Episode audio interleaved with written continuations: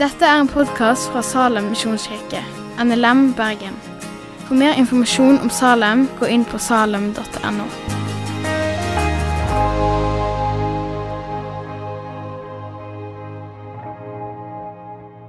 Har du i løpet av de siste to åra følt deg litt som en huleboer? Jeg vet at jeg har, eh, på hjemmekontor eh, i mine chilleklær. Jeg vet ikke hvordan du chiller, jeg vet ikke hvordan du er på hjemmekontor. Birgitte syns jeg har en rar måte å chille på. Jeg chiller i Fjellreven og i Norrøna. Det er på en måte meg på hjemmekontor. Eh, og Så begynner det å vokse ting i fjeset som ikke er veldig delikat. Sånn er det jeg når jeg er i min håle. Så sitter jeg med fjellrevenbuksa mi og med liksom bustete skjegg som ikke er skjegg, og som heller ikke er dun. En ting midt imellom. Når ikke jeg trenger liksom å omgås med folk. Kanskje noen eh, kjenner seg igjen, kanskje noen har vært på hjemmekontor. Det har iallfall jeg. Men profeten Elia gjemte seg òg i håle. Men ikke pga. smitte eller på hjemmekontor, men pga. frykt og pga. redsel. Profeten Elia er kanskje kjent for noen. Vi møter han i første kongebok. og Vi skal lese dagens tekst, som er fra første kongebok, kapittel 19, vers 9 og utover. Der gikk han inn i ei håle og sov der om natta. Da kom Herrens ord til han, og det lød så.: Hvorfor er du her, Elia? Han svarte, Jeg har visst brennende iver for Herren, herskarenes Gud. For israelittene har forlatt din pakt. Dine altre har de revet ned. Dine profeter har de drept med sverd. Jeg er den eneste som er igjen, og nå står de meg etter livet. Da sa Herren, gå ut og still deg opp på fjellet for Herrens ansikt. Så vil Herren gå forbi. Foran Herren kom en stor og sterk storm som kløvde fjell og knuste klipper. Men Herren var ikke i stormen. Etter stormen kom et jordskjelv, men Herren var ikke jordskjelvet. Etter jordskjelvet en ild, men Herren var ikke ilden. Etter ilden lyden av skjør stillhet. Da Elia hørte den, drog han kappen for ansiktet, gikk ut og stilte seg i huleåpningen. Da lød en stemme som sa, 'Hvorfor er du her, Elia?' Han svarte, 'Jeg har visst brennende iver for Herren, herskarenes Gud.' For israelittene har forlatt din pakt. Dine altre har de revet ned, og dine profeter har de drept med sverd. Jeg er den eneste som er igjen, og nå står de meg etter livet. Da sa Herren til han, gå tilbake den veien du kom, og ta så veien gjennom ørkenen til Damaskus. Når du kommer dit, skal du salve Hasael til konge over arameerne. Jehu, sønn av Nimshi, skal du salve til konge over Israel. Og Elisha, sønn av Shafat fra Abel Mehola, skal du salve til profet etter deg. Det skal gå slik at den som slipper unna Hasaels sverd, skal Jehu drepe. Og den som slipper unna av Jehus sverd, skal Elisha drepe. Men jeg vil la 7000 bli igjen i Israel. Alle som ikke har bøyd kne for Baal og ikke har kyssa han med sin munn. Slik lyder Herrens ord. La oss be. Gode Gud, vi takker deg for uh, fysiske gudstjenester. Takk at vi kan være her. Uh, vi takker med deg for ditt ord. Vi takker deg for uh, historien om Elia. Herre, du møtte Elia på det fjellet. Jeg ber med frimodig at du må møte oss i dag. Takk at du har lovt å møte oss i, i ditt ord. Jeg ber om at du må møte oss. Herre, du ser hva den enkelte trenger. Jeg ber om at du må møte de ulike personene på de måtene som de trenger. Må du åpne teksten for oss, sånn at vi kan se mer av hvem du er. I ditt navn. Amen. Jeg ser det, Kjersti, at jeg glemte glasset mitt. Jeg har ikke lyst til å jeg, jeg, Det står rett under stolen min. Jeg har satt det fram, jeg har bare glemt å ta det opp. Så slipper jeg en smatting. Eh, tusen hjertelig takk. Det var en stjerne i boka. Eh, vi skal se på én av ganske mange spennende historier om Elia i dag. Eh, men før vi dykker ned i den teksten som vi har lest, litt sånn bakgrunnshistorie bare for å få det. Israel har fått sin første konge, eh, Saul. Så fikk de kong David, og så fikk de kong Salomo. Og Jeg er ingen eh, GT-ekspert, eh, men så blir kongeriket blir delt. Vi får Israel i nord og så får vi Juda i sør. Og I nord så er det Jeroboam som regjerer. Og Han fører folket inn i avgudsdyrkelse. Setter opp ulike gullkalver som han ber folk begynne å tilbe. Og Det blir etter hvert standarden for dette riket. Da spør en kanskje hva er avgudsdyrkelse? Avgudsdyrkelse dyrka falske guder, dyrka hedenske guder. Og det er å synde mot det første budet. Du skal ikke ha andre guder enn meg. Så det her skjer i starten av første kongebok. Og så litt lenger ut i første kongebok så møter vi Elia. Eh, og Han gjør ganske mye spennende. Men på Elias' tid så er det kong Akab som regjerer. Og kong Akab er den verste kongen som har vært i Israels historie. Det står at han gjorde det som var vondt i Herrens øyne. Og så hadde jeg egentlig lyst til å ta hele historien om Elia, eh, men det blir litt for voldsomt eh, for meg, og eh, da blir jeg ikke tro mot teksten. Eh, men jeg har lyst til å dra dere med inn i noen ting som skjer med Elia, som jeg syns er veldig spennende. Det ene er at han konfronterer denne fæle Akab. Går i møte med han face to face, konfronterer med avgudsdyrkelsen. Elia blir forsørga av en ravn som Gud sender. Elia vekker opp en gutt ifra de døde. Og kanskje den mer kjente historien Elia kjemper mot Baal-profetene på Karmelfjellet. Hvor Baal-profetene må slå seg slått av Gud. Så Elia han gjør ganske mye kult ganske mye store ting. Og så virker det som han, han går litt i kjelleren etter dette på Karmelfjellet. Kona til Akab, denne fæle kongen, sier at hun har lyst til å få Elia drept. Elia han gjemmer seg under en busk, juvelbusk. Han er sliten, og han er redd, deprimert. Og så kommer det en engel til han, sendt fra Gud, og ber han spis, stå opp. Så eter Elia, og så drikker han, og så går han i 40 dager og 40 netter. Og Så kommer han til fjellet Horeb, Guds fjell. Samme fjellet som Moses fikk steintavlene. Og Der tar Elia inn i ei ny håle. Først gjemte han seg i juvelbusken, og så gjemte han seg nå i denne hula. Og så kommer vår tekst i dag. Og Da skal vi se på tre momenter som skjer med Elia, og som skjer med oss.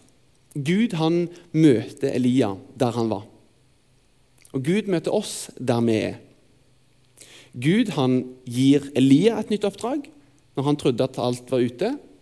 Gud gir oss et nytt oppdrag. Og Gud han sparer en rest fra dommen. Og Gud han sparer oss ifra dommen i Jesus.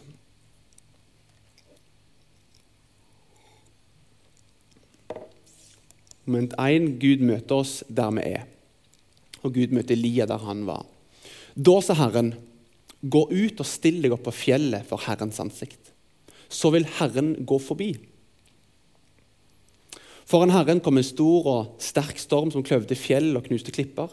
Men Herren var ikke stormen. Herren var ikke jordskjelvet.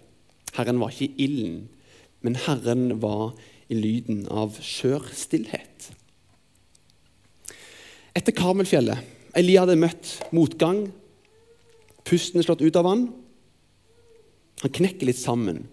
Så blir han forsørga. Han blir bedt om å reise seg, hvile litt og spise. Og Når Elia har fått gjort det, så er han klar for et nytt oppdrag. Kanskje han var overbeida. Kanskje han var sliten, kanskje han var deprimert. Men Gud kommer og gir han ny kraft. Gir han ny styrke når alt virker håpløst. Men ikke i stormen, ikke i ilden som på Karmelfjellet, men i lyden av skjør stillhet. Og Kanskje det er et ord til oss i dag òg. Gud møter oss fortsatt i dag, men på ulike måter. Og Vi skal ikke sette Gud i bås, han kan møte oss på forskjellige måter. Men ofte kanskje så møter Gud oss i stillheten. Kanskje fornemmelse av at Gud er der. Kanskje han var der på lønnkammeret mitt. Kanskje han var der under lovsangen. Kanskje han var der i bønnestunden. Men Gud kan møte deg der du er. Og Gud har møtt Elia i stillheten her. Hvis vi ser etter møtet med Gud i de store tingene, store kirker, store konferanser, i de store lederne, kanskje går vi glipp av noe. Kanskje går vi glipp av Guds tilstedeværelse fordi han ofte er å finne i den svake brisen til et ydmykt hjerte. Lytter du til Gud? Eller er det som meg, at alle aktivitetene rundt gjør at en har ikke tid eller kapasitet til å høre? Kanskje du òg trenger å gjøre sånn som jeg av og til gjør hvis jeg reiser på hytta. Tar et steg tilbake igjen. Absorbere det livet har å gi oss. Og Gud kan møte oss. Møter Gud deg i den skjøre stillheten? Eller er du som meg, som er altfor opptatt med det som skjer rundt oss? Men i vår smerte, i vår motløshet, i vår redsel, så møter Gud oss. Ofte som Gud, beveger Gud seg på en sånn lydløs måte som ikke alle ser. Det måtte Elia lære. Han hadde lært Gud å kjenne når ting var gjerne, det gjerne voldsomt. Men Gud måtte lære å kjenne. Elia måtte lære Gud å kjenne i stillheten. Men ser vi det? Hører vi det? Hvis du hører på musikk eller på podkast gjennom mobilhøyttalerne dine, så kan det hende at eh, lydbølgene kanskje blir forstyrra av ting rundt deg. Kanskje lyden ikke er så god. Mine høyttalere er ganske dårlige for øvrig. Ehm, men tar du derimot noen propper eller på deg et headset rett på ørene, så får du lyden rett inn, og du stenger lyden som er rundt deg. Perfekt lyd, perfekt kvalitet, perfekt lydnivå. Så lurer jeg litt på er det av og til sånn med Gud òg. Vi vil så gjerne høre Gud. Vi vil så gjerne bli møtt av Gud. Men legger vi til rette for at Gud kan møte oss? For min del er det to ting som jeg er daglig. Jeg åpner Bibelen min og leser i den, og så lytter jeg til lovsang. Og for å være i dette bildet med telefonen og høyttaleren, så jeg har lyst til å, å bli møtt av Gud. Så om morgenene så tar jeg i meg proppene for å være i bildet. Jeg åpner Bibelen. Og når jeg gjør det, så stenger man lyden ute. Jeg finner meg et stille og et rolig rom. Og så kanskje tuner jeg frekvensen litt. Altså, jeg begynner å lese det som står i Bibelen. Og så har Gud lovt oss at han skal møte oss der. Han skal møte oss i sitt ord. Og jeg tror Av og til så kan vi bli møtt av Gud, men vi ser det ikke. Vi åpner Bibelen vår, jeg åpner Bibelen min, og så leser jeg flotte tekster. Og Gud vil møte oss, men jeg er for opptatt av at jeg skal bare bli ferdig nå. så skal jeg komme meg videre.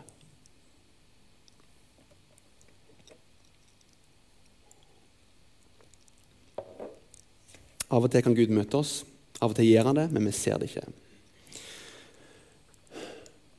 Men Gud gir Elia et nytt oppdrag.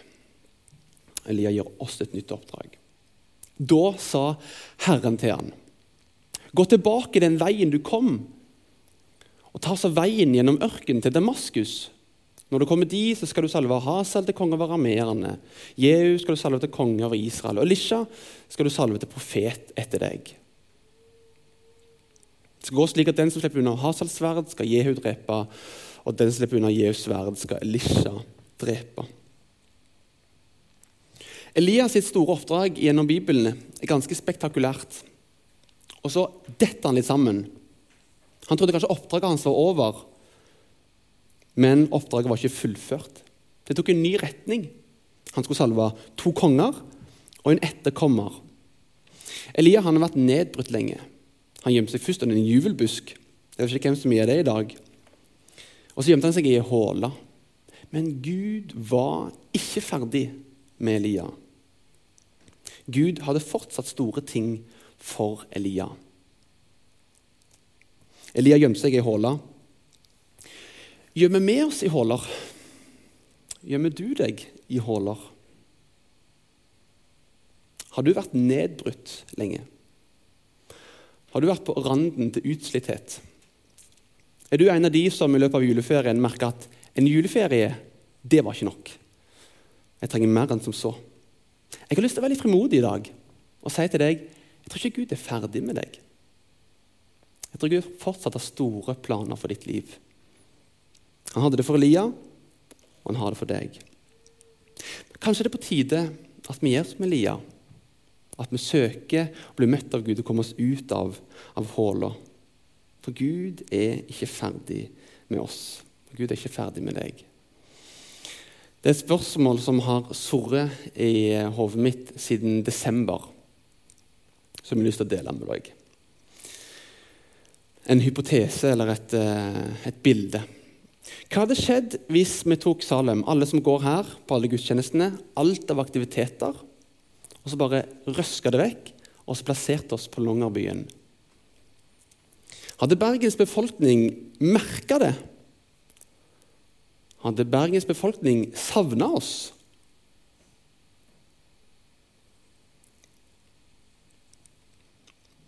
Jeg antar at en del som går her, hadde savna fellesskapet. Men hadde de som bor rundt der, hadde løpegruppa mi, som jeg er en del av, hadde de egentlig merka det? Hadde de egentlig savna det? Jeg tenker at vi er plassert her for en grunn. Kanskje er det på tide at vi kommer ut av våre personlige huller. Kanskje er det på tide at vi av og til kommer oss ut av den store håla. Jeg har hørt at noen som ikke er troende, begynner å tenke at oss kristne begynner å bli skumle. Fordi vi har så eh, rare meninger som ikke passer i dagens samfunn. Og fordi vi er så innlokka i vårt eget skall. Min drøm er at vi ikke skal være de som folk er redde for, men at vi skal være de som folk har tillit til, og de som folk kan stole på. Min drøm er at vi skal være kjent for de som elsker, de som snakker opp de undertrykte, de som elsker de ingen andre vil elske. Og de som tør å ta dristige valg i økonomi og i tid. Når jeg var liten, så lekte jeg masse med Lego på rommet mitt. Jeg gjorde det når jeg var sliten, når jeg var sur, eh, oppgitt og kjeda meg. Var liksom, Det var livet mitt. Jeg gjorde ikke noe annet enn jeg var på rommet mitt og lekte med Lego. Eh, jeg har masse Lego, så for de som har unger som liker Lego, så skal dere arve dem. Eh, eller kanskje mine unger kan få det en dag, hvis jeg blir så heldig. Eh, men jeg gjemte inn eh, på dette rommet mitt.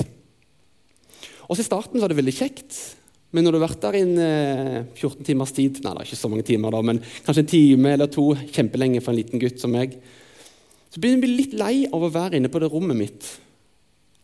Kanskje familien begynner å spise kveldsmat. Familien ser på barne-TV klokka seks. Jeg kan ikke gå glipp av det. Eh, jeg vet ikke om det er barne-TV klokka seks fortsatt. I hvert fall det er i min tid. Eh, men jeg merker at her er jeg inne på det soverommet mitt. Jeg koser meg med legoen min. Men jeg har lyst til å være med på det som skjer der ute. Men terskelen har blitt for høy for å komme seg ut igjen. For jeg sprang jo fra dem og kjefta og smelte uten grunn. Men jeg merker at livet det er ikke å bygge med legoklosser. Livet var jo å være sammen med familien min, som var der ute. Men jeg måtte ta meg et valg. Jeg måtte møte den ydmykelsen. For jeg visste at livet det var ikke meint på soverommet med legoen, men livet det var meint utenfor soverommet sammen med familien min. Og Sånn er det også i Salem. Vi er her i snitt kanskje én gang i uka. Og livet vårt Det er fint å være i Salem, men livet vårt er jo utenfor veggene. Jeg tror ikke Gud er ferdig med deg. Jeg tror ikke Gud er ferdig med oss. Men jeg tror Gud har store ting for oss om vi lar det skje.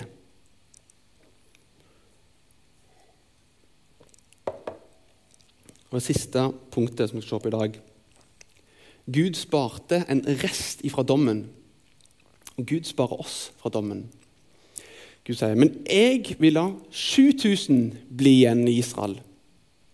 Alle som ikke har bøyd kne for Bal, og ikke kyssa han med sin munn. Jeg ikke om du hørte Elias sa to ganger, men jeg er den eneste som er igjen. Den eneste utenom de 7000, da, tydeligvis. Kanskje Elia hadde litt sånn skylapper og var litt høy på seg sjøl.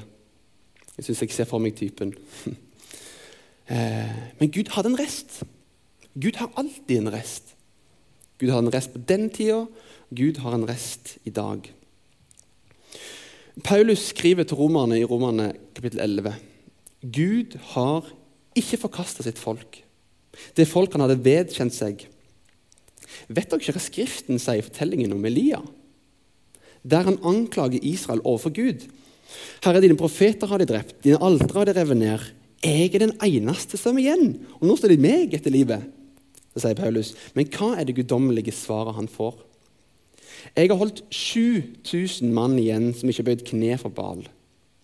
På samme måte er det òg i vår tid blitt en rest igjen som Gud i sin nåde har utvalgt.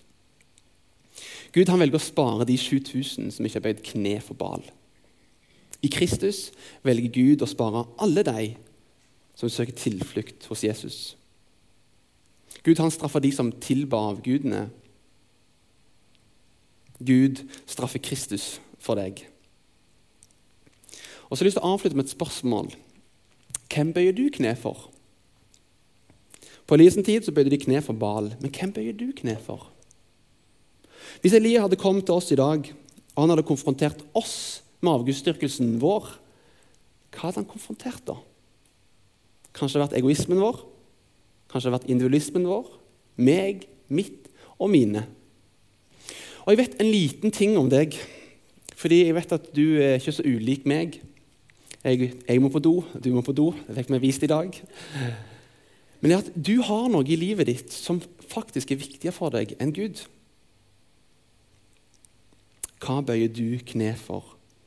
I Filippebrevet står det 'i Jesu navn' skal derfor hvert kne bøye seg. I himmelen, på jorda og under jorda. Hvem bøyer du kne for? I Kristus blir du spart fra dommen. Gud lot 7000 bli spart. I Kristus så blir alle spart. Utenom han.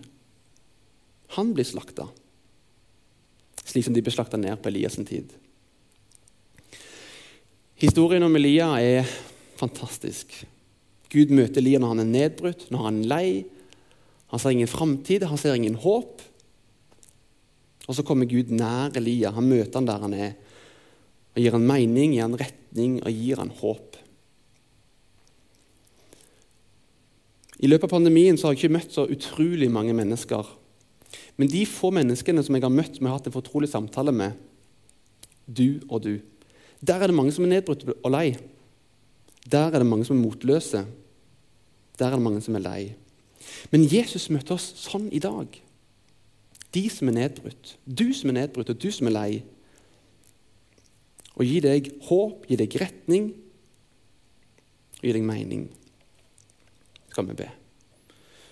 Gode Gud, vi priser ditt navn. Herre, takk at du møter oss der vi er. Du ser min smerte, du ser min motløshet. Og Herre, takk at du ser de som sitter her inne i dag. Du ser deres sår, og du ser deres smerte. Herre, takk at du ser til oss. Herre, takk at ikke du er ferdig med oss. Takk at du fortsatt har store planer for oss. Herre, må du hjelpe oss gjennom tida som hver person står i. Gi oss det vi trenger, og takk at du gir oss mening med livet håp for livet. I Jesu navn. Amen. Takk for at du har hørt på podkasten fra Salem, Bergen. I Salem vil vi vinne, bevare, utruste og sende. Til Guds ære. Vi ønsker å se mennesker finne fellesskap, møte Jesus og bli disippelgjort her i Bergen og i resten av verden. Vil du vite mer om oss, gå inn på salem.no.